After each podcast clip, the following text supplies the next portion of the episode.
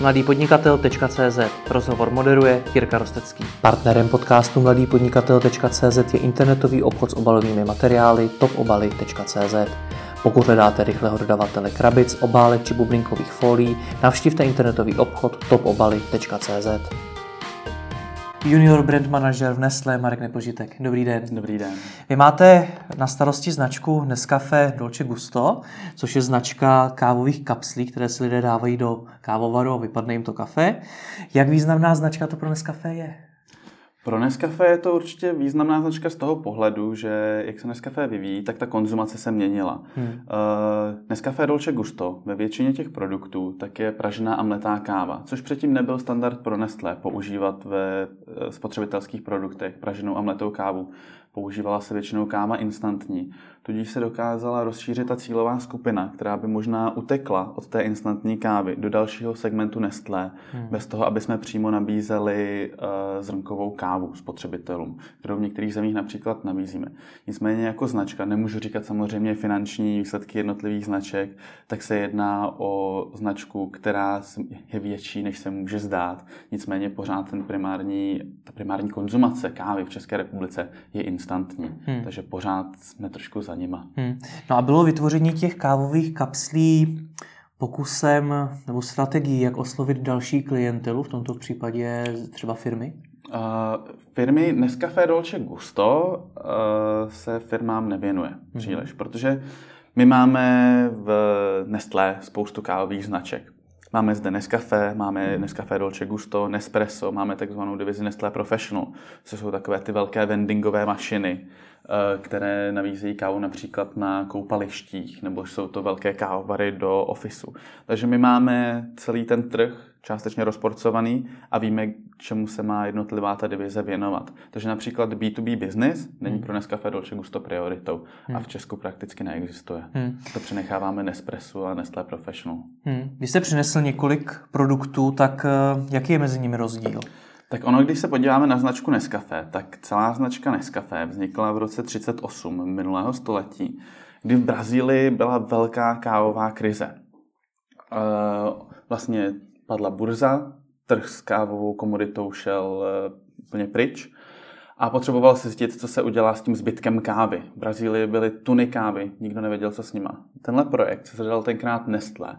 A Nestlé vyvíjelo produkt, který by mohl využitkovat tuhle kávu. Na základě dlouhého výzkumu vznikla instantní káva Nescafé Classic. Uh, byli jsme tedy první s instantní kávou takhle na světě a uh, ta metoda tomuhle se říká rozprašování, což znamená, tohle je čistá káva. Když se podíváte na složení, my tam nic netajíme, nejsou tam žádná Ečka, nic.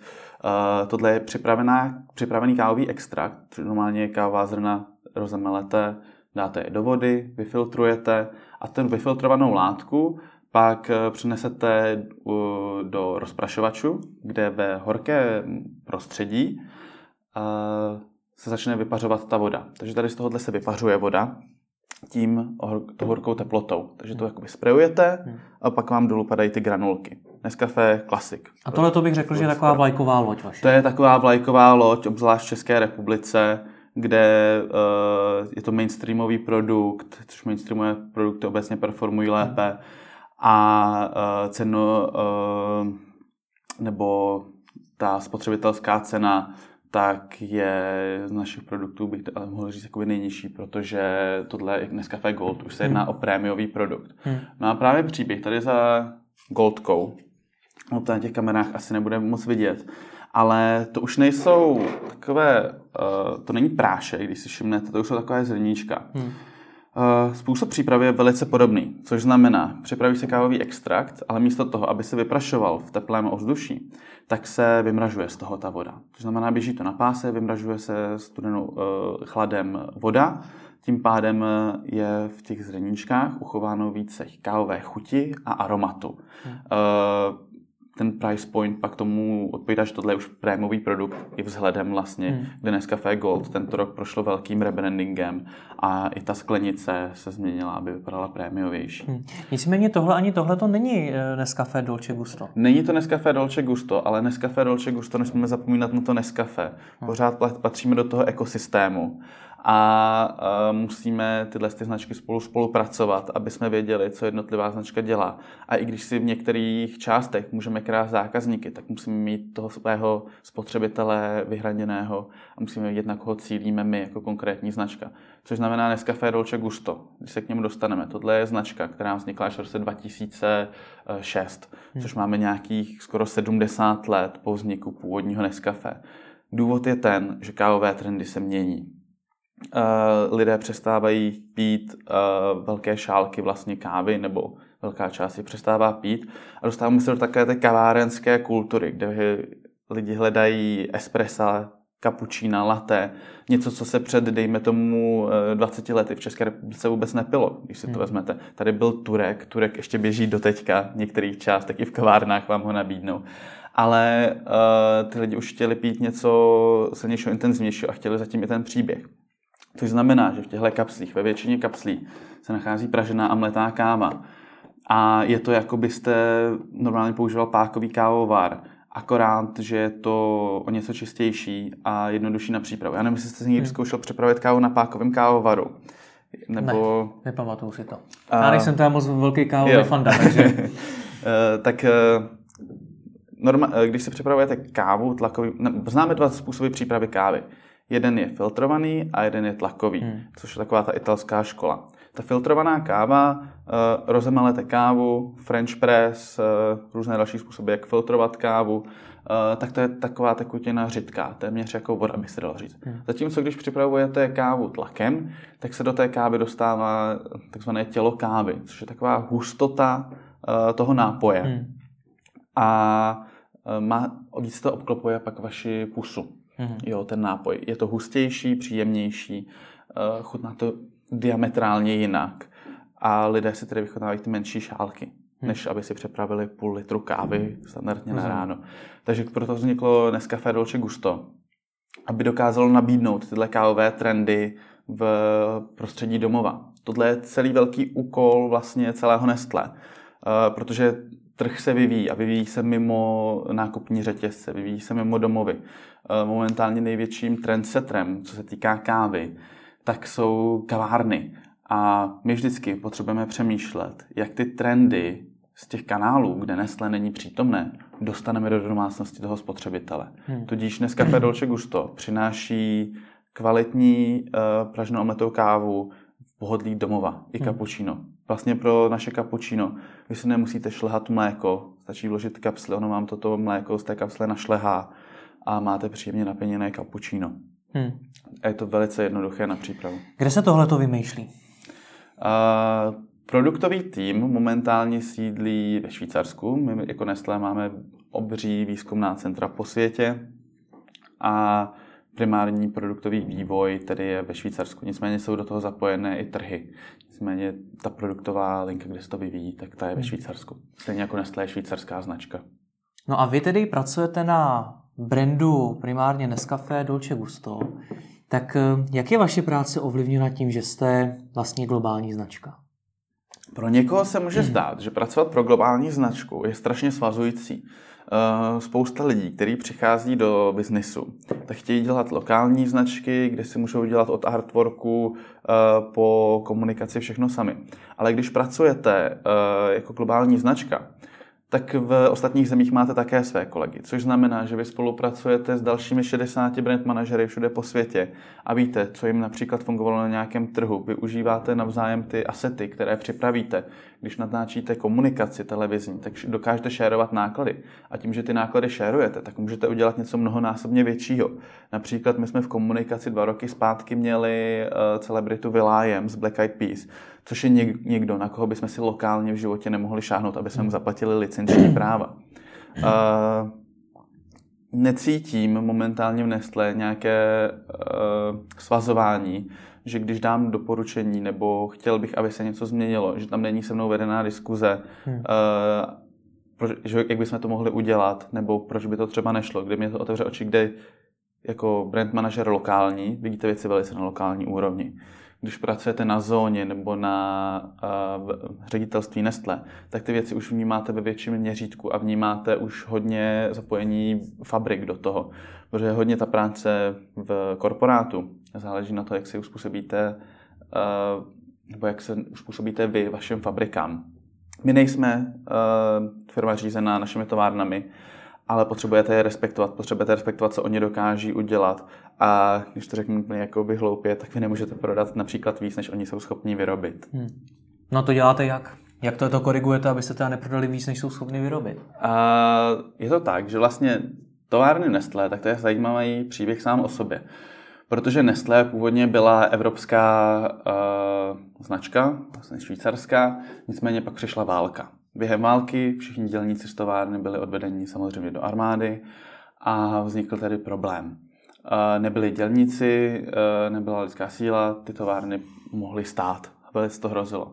Po těch válkách se Nestlé rozhodlo, že tohle není cesta, jak fungovat a rozhodlo se jít globálně. Což znamená, když jsme šli globálně do světa, tak jak je postižená válkou nebo nějakým jiným incidentem část země koule, tak ta výroba se dá přesunout do druhé části, um, může vlastně Nestlé pokračovat jako biznis. Nejsme natolik ohrožení jakýmkoliv incidentem. Kdyby, představme hmm. si, že kdyby spadl třeba na uh, Evropu meteorit. Jo? Tak kdyby Nestlé sídlilo jenom v Evropě, tak by mohlo zaniknout. Tím, že už jsme celosvětová značka. To by byl poslední problém, kdyby na Evropu no. spadl meteorit.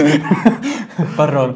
ano, ale uh, tím, že jsme, tak bychom to ustáli, protože už jsme, už jsme všude po světě, už uh, víme, jak na to. A taky to, aby jsme neprodali víc, než dokážeme vyrábět, tak jsou zde dlouhodobé forecastovací cykly, kde vy jako značka predikujete, kolik budete prodávat za rok, za dva roky. Všechno to souvisí s monitorováním trhu, s monitorováním vašeho spotřebitele, trendu a je potřeba, aby jste neusnil na Vavřínech. Protože když najednou se objeví nějaký trend, přece jenom je to velký korporát, nějaké, nějaké linky v továrně, je velice nákladná záležitost zaprvé na vývoj, na čas, aby se to nainstaloval. Hmm. Takže když se objeví nějaký trend, tak než vy jste schopni zareagovat na něj, tak vám to může trvat nějakou dobu. Proto uh, je důležité, že my se dnes snažíme tyhle doby zkracovat a snažit se být o krok napřed. Takže všechny naše kávové divize, i když se může zdát, že jsme konkurenční, Dolce Gusto, Nespresso, jsou to dvě velice podobné hmm. značky, uh, tak spolu spolupracujeme na nějakém tom overview, kde jako kávový trh budeme za nějakou dobu, aby jsme věděli, co, jak se na to máme hmm. připravit, aby jsme podchytili nějaké trendy už dřív. Nám se třeba stalo, pár let zpátky Nescafé Dolce Gusto nabízelo chai tea latte. Chai tea latte je nápoj uh, velice atypický, jedná se o černý čaj s mlékem, uh, s kořicí, anízem, zázvorem. Chutná to jako krupicová kaše. Hmm. Před pár lety se ten produkt neprodával, což znamená, že když se nic neprodá, my jsme to vyřadili z nabídky, aby jsme do té nabídky zařadili něco, co bude spotřebitelům více chutnat. Mezitím se však stalo to, že v českých kavárnách se vznikl boom chai tea latte. Všude, když jdete do kavárny, eh, v Praze, v, Os, eh, v Karviné, v Ostravě, tam vidíte chai tea latte na menu. Eh, my jsme se tedy rozhodli ten nápoj vrátit zpátky do nabídky, ale bylo to vlastně až po nátlaku těch kaváren s tím, že my jsme ten produkt už měli vyvinutý, takže kdybychom ho ani neměli vyvinutý, tak zase zaspíme na, hmm. na Vavřínech. Jenom jsme ho měli vyvinutý dřív, než byl vůbec populární. Hmm. Když jsme u těch trendů, tak eh, jak se to bude do budoucna v kávovém biznisu vyvíjet? Protože je to možná můj dojem, ale přijde mi, že i v mém okolí stále více lidí si uvědomuje třeba škodlivý účinky kofeinu, nebo to, že té kávy nemají pít tolik a podobně. O Jak to ovlivňuje vás? škodlivých účincích kofeinu nemohu moc mluvit. Toto téma bohužel nemám nastudované. A nicméně, a, co vidíme, tak je nějaká sustainabilita kávy. Káva je jeden ze segmentů potravinových, který meziročně roste už posledních, dejme tomu třeba 100 let. Hmm. Každý rok se konzumuje více a více kávy. A lidé si uvědomují, že je potřeba mít ten cyklus nějak udržitelný. I proto jsme Nestlé eh, vytvořili Nescafé Plan, kde Nescafé Plan je naše CSR aktivita, která pomáhá farmářům kávy s tím, aby oni na těch jejich malých políčkách dokázali například vypěstovat více kávy. Dodáváme jim květiny, které jsou uh, odolnější vůči, prost, vůči vlivům prostředí, uh, suchu, bakteriím, škůdcům. a aby tedy ta zásoba té kávy nikdy nedošla, by se dalo říct. Hmm. Za těch, od roku 2010 do roku 2020 Nestlé plánuje utratit, nebo komitovalo 350 milionů švýcarských franků, což je relativně velká částka, když si vezmete. A opravdu se těm farmářům věnujeme tak, aby pak například mohlo vzniknout toto, hmm. což je biokáva. Uh, toto je biokáva z Kolumbie, uh, z uh, ekologického hospodářství. Napří- ještě můžu říct Zimbabwe například. Což... Pardon, mě spíš na tom zaujalo, že i ta, ten trend toho bio, aby bylo dneska všechno bio, vstupuje tedy evidentně i do kávy, když i vy na to Určitě. reagujete biovýrobkem. Uh, bio, fair trade, uh, tyhle ty věci jsou věci, které spotřebitel vyhledává. Hmm. S tím, že naše káma není zrovna certifikovaná fair trade. Nicméně my máme takzvaný program 4C uh, a ty naše práce s těmi farmáři jsou vidět, uh, výsledky 350 milionů švýcarských franků. Takže i když nepoužíváme třeba ikonku Fair Trade, tak ta naše káva je zodpovědná. Snažíme se být hmm. zodpovědní ve všem, co děláme. My i máme takové moto, v angličtině se mu říká grown respectfully, růst zodpovědně. A má, je to takový krásný dvousmysl. Růst zodpovědně jako biznis a růst zodpovědně kávu. hmm My jsme trošičku odběhli od toho srovnání nebo od toho, jak se vlastně buduje značka u takhle globální firmy. Dá se tedy nějak české Nescafe odlišit od těch zahraničních? Je v něčem jiné? Uh, určitě. Zrovna uh, Nescafe, no takhle. Podívejme se na, na jednotlivé značky. Uh, Nescafe Classic momentálně běží krásnou lokální komunikaci.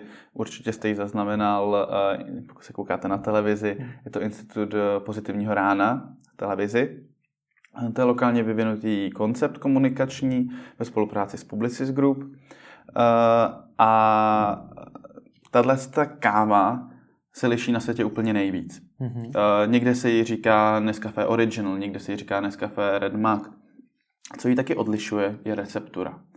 V Nestlé dbáme na to, aby receptura produktu chutnala lokálním spotřebitelům. Což znamená, že i když se tohle zdá jako globální produkt, tak receptura pro Česko nebo pro Švýcarsko se může lišit. Není, nejedná se však o dvojí kvalitu. Jedná se o testování spotřebitelských chutí. Někde mají rádi kávu kyselější, někde mají rádi kávu hořčí a podle toho to uspůsobujeme. Ale uspůsobujeme to tak, že třeba vyvinete více produktů, dáte je ochutnat spotřebitelům a ten, který oni preferují, tak ten pak začnete vyrábět. Podobno, podobné rozlišení receptory můžeme najít u Nescafé Gold, hmm. kde nicméně už eh, byla sjednocená globální komunikace a liší se třeba v nějakých aktivacích. A jako Nescafé Dolce Gusto my máme hlavní komunikační linku globální, produkty jsou také globální, káva, která se nachází v této krabičce, se nachází v stejné krabičce v Jižní Americe, takže tam už eh, ten profil není uspůsobený, ale je, uspůsoben, ale je to i tím, tou podstatou toho produktu, že zatímco máte Nescafé jako jedno, instantní, nebo dvě, Nescafé a Nescafé hmm. krému, u nás máte třeba řadu 11 espres, takže každý si vybere espresso, kterému chutná. Eh, zatímco tady je ten proces streamlinovaný, aby to portfolio bylo, dalo by se říct, co nejmenší hmm. a uspokojilo co nejvíce lidí. Co se týká pak té komunikace, není problém si vyvíjet lokální věci, uh, digitální aktivace, uh, vlastně vy máte nějakou komunikační linku, ale jak vy si ji uchopíte, to už může být na vás. Co to znamená teda komunikační linka, kterou máte definovanou ze zahraničí, třeba takovéhle krabice? Co to znamená? Uh, komunikační linka nebo platforma. Jak vypadá to zadání, které vy vlastně máte? Uh, zadání. Tak uh, každým tím produktem prochází nějaká platforma. Že uh, u Nescafé Dolce Gusta je to například moderní umění kávy, které to komunikaci prochází už od začátku. Když si vzpomenete na počáteční spoty Nescafé Dolce Gusto, tak to byl eh, popár dělaný z kapslí. Pak jsme se dostávali na mluvící sochy antické, což také znázorňuje umění. Pak byl Vilájem, což, znam, což už znázorňuje takovou tu modernizaci té značky, protože je to eh, moderní umělec, hudební a byla tam propojení Nescafé a hudby.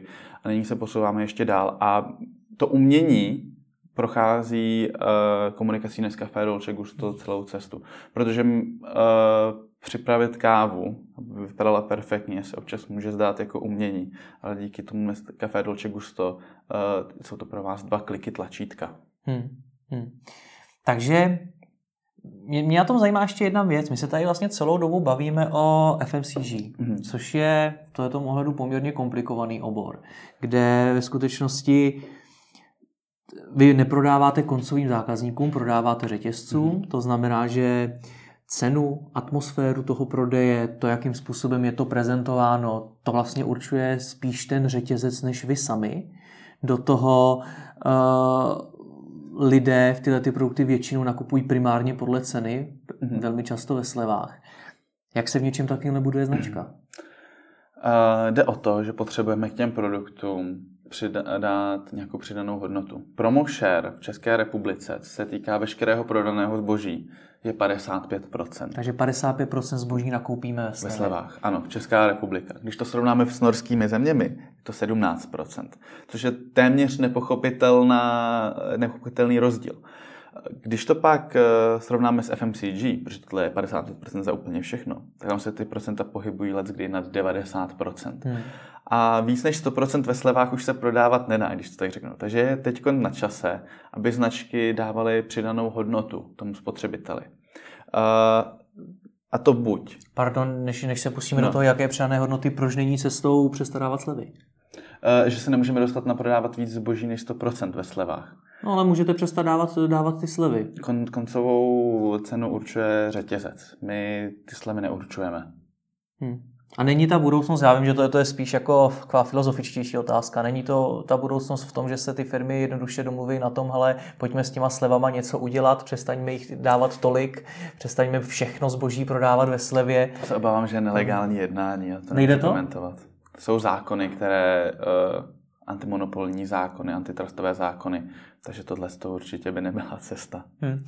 Dobře, to znamená, jaké teda ty přidané hodnoty k tomu přidat? Přidané hodnoty. Základní přidaná hodnota, proč si kupujete FMCG, protože vám ten produkt chutná nebo vyhovuje. Produktová superiorita je pro Nestlé strašně důležitá. Eh, když s něčím jdeme na trh, tak chceme, aby to právě prošlo tím testováním, že těm spotřebitelům chutná. A když už si to koupí, tak aby věděl, že si kupuje kvalitní a chutný produkt. Další jsou nějaké emoce spojené s tou značkou. Určitě to máte s nějakou značkou. Eh, Apple na tom velice často rád ujíždí, že Apple je reálně drahá značka, ale má taková ta, ten pocit luxury a takhle je tam. U Nescafé Dolce Gusto například velká část našich spotřebitelů si kupuje tuhle kávu, aby dokázali takhle krásné kapučino udělat jejich návštěvy, když jim přijde a neudělali jim turka. Hmm. Dále budeme přes různé kopeky. Nescafé a červený hrnek. Kdo nemá doma červený hrnek Nescafé, že a kdo si nekoupil kvůli tomu uh, kávu Nescafé s červeným hrnkem, Věřím, že i vy, když nepijete kávu, tak u vás v domácnosti se minimálně jeden pohybuje. Bohužel jo, no, bohužel ano.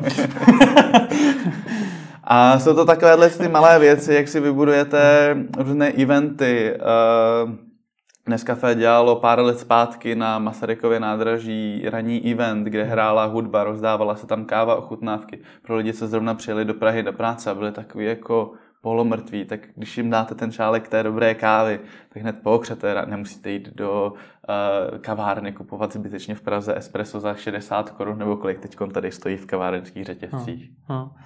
Dobře, zkuste mi to ještě vysvětlit obecně. Uh, jak mám přemýšlet nad přidanou hodnotou toho svého produktu, abych dokázal uspět i v tom konkurenčním slevovém prostředí? Uh, vždycky záleží, záleží kategorie od kategorie. Hmm. V té kávě uh, třeba přidaná hodnota na této Kolumbii je, že je to káva jednoho původu a je to biocertifikované. To, je tak, to se dá také považovat za přidanou hodnotu. Když srovnám, kdybych dal vedle sebe teď, teď stejné balení, ale bez biolístečků, tak lidé by preferovali ten biolísteček. To je také způsob přida, té přidané hodnoty. Uh, ta premiumizace, že ta sklenice nějak vypadá, také může být přidaná hodnota. Já nevzal jsem sebou Nescafé Gold, jak vypadalo ještě před rokem, nicméně uh, moto tohle velké, tohle velké změny je jemnější, plnější, zlatější a hmm. to, se, to se reflektuje i v tom zlatějším obalu, který předtím byl spíš takový žlutý, tak teď konečně Nescafé Gold je pořádně zlatá barva.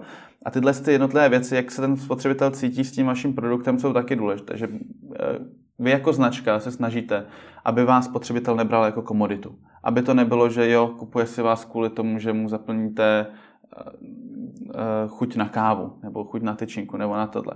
Aby prostě on tam šel k vašemu produktu a říkal si, tohle si kupuju, protože uh, chci žít zdravější bioživot, nebo uh, chci k tomu dostat červený hrnek, ale potřebujete tam něco takového vytvářet, aby ve finále ten spotřebitel šel k vašemu produktu vždycky, aby nestřídal. Má v Česku velice nelojální spotřebitele. Jeden den si kupujete tenhle jogurt, druhý den si kupujete ten Florian nebo další jiný jogurt. Uh, záleží na různých aspektech. Nicméně některým značkám, když se třeba stáhneme na jogurty, tak já momentálně používám jenom jednu značku jogurtu a to z toho důvodu, že moje, ta přidaná hodnota u nich je ta receptura a že obsahuje nejvíce bílkovin. Jo, hmm. Takže třeba ten jogurt, nebudeš jmenovat značku, a, tak obsahuje 11 gramů bílkovin na ten šálek. Versus když to srovnám s nějakými primátními značkami, tak to je třeba 1,5 gramu. Hmm. Takže pro mě je ta přidaná hodnota v tomhle tom ta receptura. A ta receptura se stává přidanou hodnotou pro víc a víc spotřebitelů. Více čteme to, co je napsané na obale. Jako Opravdu? Já nevím, jestli se zase mám stydět, ale já jsem třeba takhle někdy jogurt neskoumal. a zajímá mě právě, jestli to takhle zkoumají zákazníci. Ještě Urči, k tomu v porovnání s tím faktem, kolik se tady toho prodá ve slevách. Určitě jo, protože když si vezmete, um, obíhají různé kauzy. Pár let zpátky byla kauza palmový olej, barviva, uh, další kauzy. A vlastně ta společnost se edukuje o tom, co vůbec to složení znamená, co tam najdeme. Uh, my například v tomhle kapučínu my jsme používali emulgátor. Uh, používali jsme sojový lecitin, který nám pomáhal, aby to mléko drželo konzistenci. Nicméně uvědomujeme si ten trend toho čtení těch obalů. A nyní, když se podíváte na to složení, tak tady máte jenom sušené mléko plnotučné, cukr a praženou a mletou kávu. Nic víc. Když to srovnáme s jinými produkty, tak tam pořád můžete mít emulgátory Ečka. Takže jinými slovy je tlak na kvalitu. Je tlak na kvalitu. Na kvalitu a transparentnost. A ještě bych teda řekl na něco navíc, což může být ten červený hrnek. Což může být červený hrnek, může to být zelený biolísteček. To ale všechno musí samozřejmě zvyšovat náklady na výrobu toho kafe a snižovat tu marži, tím pádem asi poroste i cena, je to tak? Um, dát tomu hrnek není zadarmo. Dát tomu hrnek není zadarmo, nicméně uh, se koncovou cenu nemůžu komentovat. Kávu primárně nebude ovlivňovat uh, obal, ale bude to ovlivňovat cena té komodity. Ta komodita je jedna z těch nejdražších věcí, co na tom hmm. produktu máte. A e, pokud je období sucha, například v rovníkové části, tak se může stát, že celá uh, ty plantáže budou produkovat o 20% méně. Jo? Hmm. 20% méně na celé země kouli. To je nesmírně velké, velký, uh, velké množství kávy. A pak se může stát, že komodita zdraží a my budeme nuceni to zboží e, řetězcům prodávat třeba za vyšší cenu. Hmm. A biolístečky, když to srovnáme, tak e, tohle, tohle komodita, která se nachází v této krabičce, je o něco dražší než, než v tomto kapučínu. Když je srovnáme vedle sebe, tak krabička je o něco menší a obsahuje pouze 12 kapslí. Standardně ta krabička obsahuje 16 kapslí, tato obsahuje pouze 12. Eh, bylo to pro kompenzaci té eh, marže, jedná se o prémiov, ale jedná se o prémiovou řadu a eh, spotřebitelům máme na to, nemáme na to negativní feedback. Ne, neberou to tak, že dáváme jim míň. Oni si můžou vybrat, jestli si koupí tuhle krabičku nebo ne, protože byla zasazena do současného portfolia, ve kterém je 8 dalších espresso nápojů takže zda oni vezmou tu prémiovou nebo ne, je to na nich, je to na jejich způsobu uvažování a záleží opravdu na spotřebitel. Nicméně, kdyby jsme najednou zjistili, že biolísteček nefunguje, nebo že vlastně tenhle produkt nefunguje, tak uh, můžeme dělat zase změnu v portfoliu. No to mě no. taky zajímá. Ka- kam dál? Protože teď už se tady bavíme teda o lístečku, bavíme se o složení, o tom, že to má být tedy, že je tlak na kvalitu, bavíme se o hezkém obalu, bavíme se o nějakém dárku k tomu navíc, tak co bude dál? Kam to je to pospěje dál? Co bude dál? Tak to je taková krásná věc, která se stala tenhle měsíc. Je udělat tady naše interní konkurence, když to řeknu tak ale Nespresso momentálně například začalo investovat do kávových plantáží v Zimbabwe. Zimbabwe je země, která byla spustošená válkou relativně a kávová produkce tam téměř neexistovala. To, že Nespresso v rámci jejich AAA programu začalo investovat do Zimbabwe, tak otřáslo celým eh, kávovým světem. O tomhle se baví i pražiči v kavárnách, jo, kteří naším biznesem by se dalo říct, že i opovrhují. Jo, oni pořád uh, jsou za tou svou výběrovou zrnkovou kávu. A mainstreamovými značkami se dalo říct, že opovrhují. Ale že ne, najednou Nestlé začalo investovat do Zimbabwe a do kávy ze Zimbabwe, tak to je neskutečný boom. A Pro lajka v čem je to zajímavý, kromě toho, že podpoříte ekonomiku státu, který na tom asi není po válce? Je to tak jednotlivé uh, kávy a odrůdy káv se liší tam, kde je pěstujete. Hmm. Uh, kolumbijská káva může, ale teď to bude znít trošku divně, protože spousta lidí má prostě kávou chuť jako městnanou jako kávu. Nicméně, když máte dobrou kávu, tak mi dokážete cítit určité tóny dalších věcí. Cítíte tam oříšky, citrusy, pomeranče. A opravdu není to takový, není to marketingové povídání, opravdu to v té kávě cítíte. A třeba kolumbijská káva, ta je hodně květnatá, eh, zatímco etiopská je taková peprnější. Káva ze Zimbabwe eh, ještě se pomalu ani neví, jaká bude. Ještě nevyrostla. Uh, protože ta káva, ty rostlinky do sebe nasákávají z půdy různé minerály, což ovlivňuje i tu finální chuť. A jak bude, jak bude chutnat Origin Zimbabwe, což bude nejspíše velice malá kvantita, to je ještě otázka. Takže ta zajímavost na tom je teda, že se vytvoří káva, která ještě nevíme, jak bude chutnat, může být lepší, může být horší. Co, jak to souvisí s tou další přidanou hodnotou, s tím, kam se to tedy bude dál vyvíjet? Je to teda odpovědí, jsou nové chutě kávy? Odpovědí jsou nové chutě kávy, odpovědí jsou nové formáty kávy. Uh-huh. Když si vezmete momentálním trendem, jsou kavárny a je to káva sebou. Jak my, jako Nestlé, dokážeme zachytit tenhle ten trend, aby si spotřebitel vzal kávu třeba z domova sebou, nebo jak prodávat eh, eh, v retailu kávu sebou.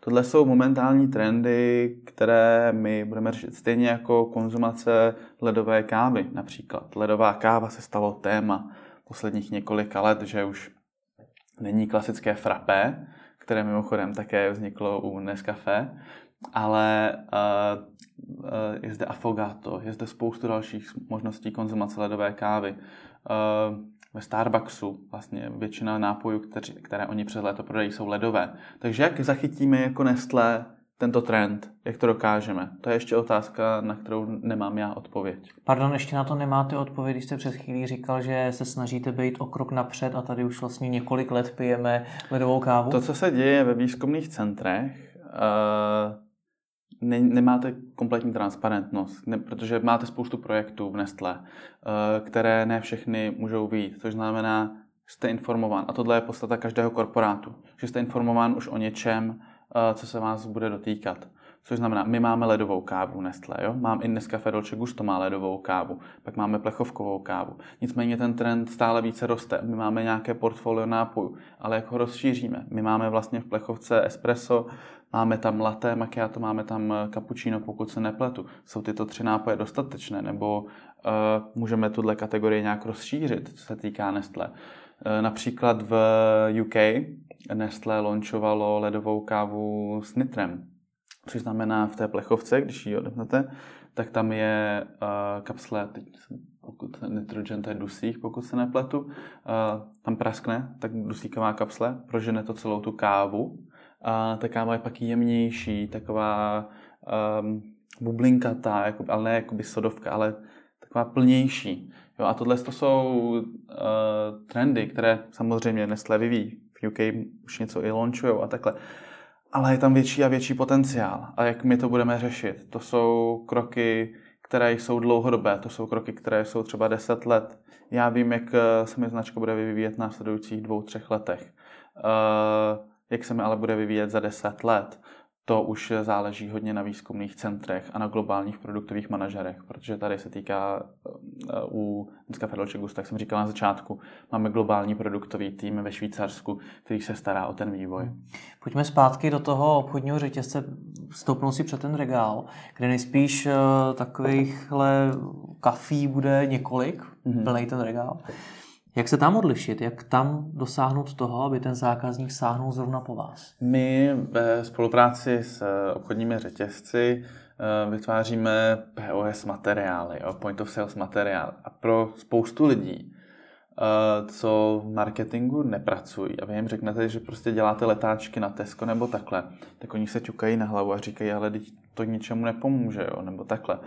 Eh, ve finále to, že tam máte nějaký showstop pro podlahovou grafiku, Uh, že ten regál nějak vypadá, že to není obyčejný regál, ale že jste investovali do toho obchodního řetězce a udělali jste si tam nějaký brandovaný regál. To jsou všechno způsoby, jak se odlišit. A já jsem včera se bavil s kolegyní o tohle a já možná i jmenuju, že správná exekuce v InStore, co se týká visibility a spolupráce s řetězci, je strašně důležitá.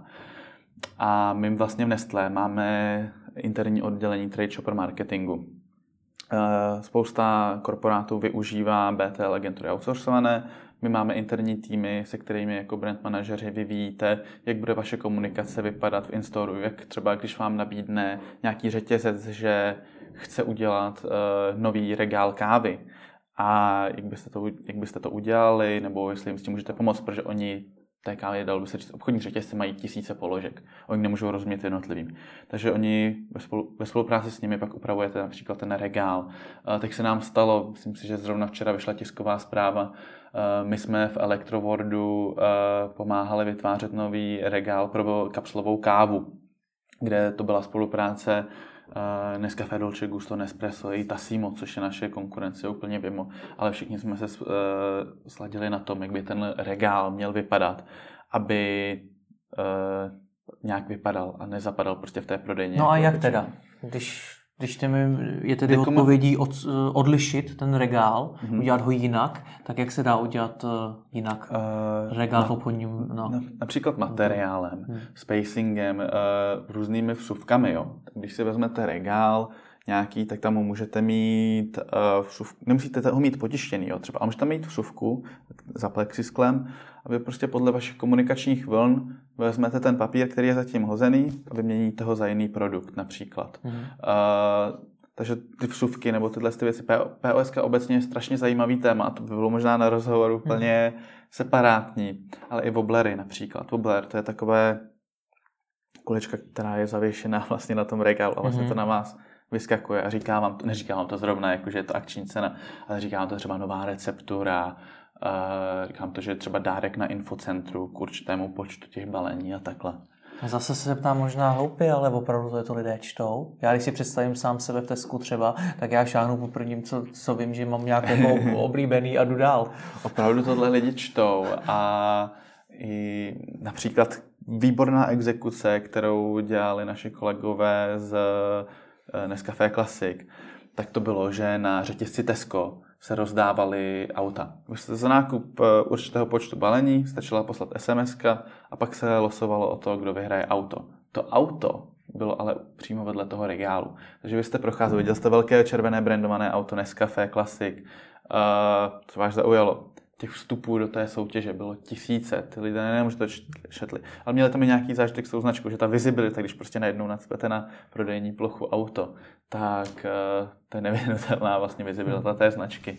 A z těch regálů má křičet co? Jinými slovy, co vy tam napíšete? Protože já předpokládám, že to, že to je bio, že to je tradiční, že to má dlouhou historii a podobně, to tam napíše i spousta jiných konkurenčních značek tak v čem vy tam se odlišíte? Co je pro vás ta exkluzivní výhoda oproti ostatním?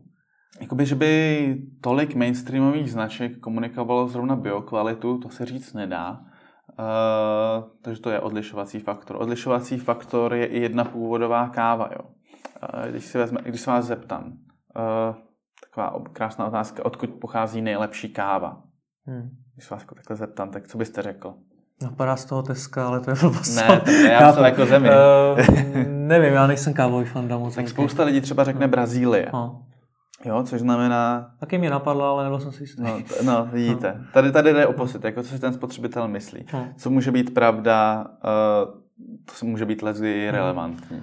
Nicméně tady z tohohle na vás Brazílie moc nekřičí, že? Hmm. Uh, naopak tady, když máme Kolumbii, hmm. tak to už je jedna původová káva, ten původ, co se týká té kávy, tak momentálně lidi zajímá víc a víc. Lidi chtějí kávu s původem. Všichni chtějí eh, věci s příběhem, že jo? Ten storytelling, o kterém se tady v marketingu už říká 10 let, tak ono to opravdu funguje, jo? Že když srovnáme tyhle ty dvě kávy, uh, zde je příběh za tímto versus zde je příběh za tímto, jednoznačně více toho příběhu, už takhle z prvního pohledu můžete vidět zde. Hmm. Uh, ať se to jedná toho bio, to je jedno původové, uh, i toho packagingu, jo. Tohle je také ten normální SK, SKU, my to my říkáme výrobkům SKU. Takhle. Hmm. Uh, a to vás odlišuje. A když se podíváte na ty regály, my třeba jako dneska Dolce Gusto velice rádi investujeme do brandovaných regálů, aby jsme vynikli v té konkurenci. A hlavně, aby ta navigace v tom našem systému byla jednodušší.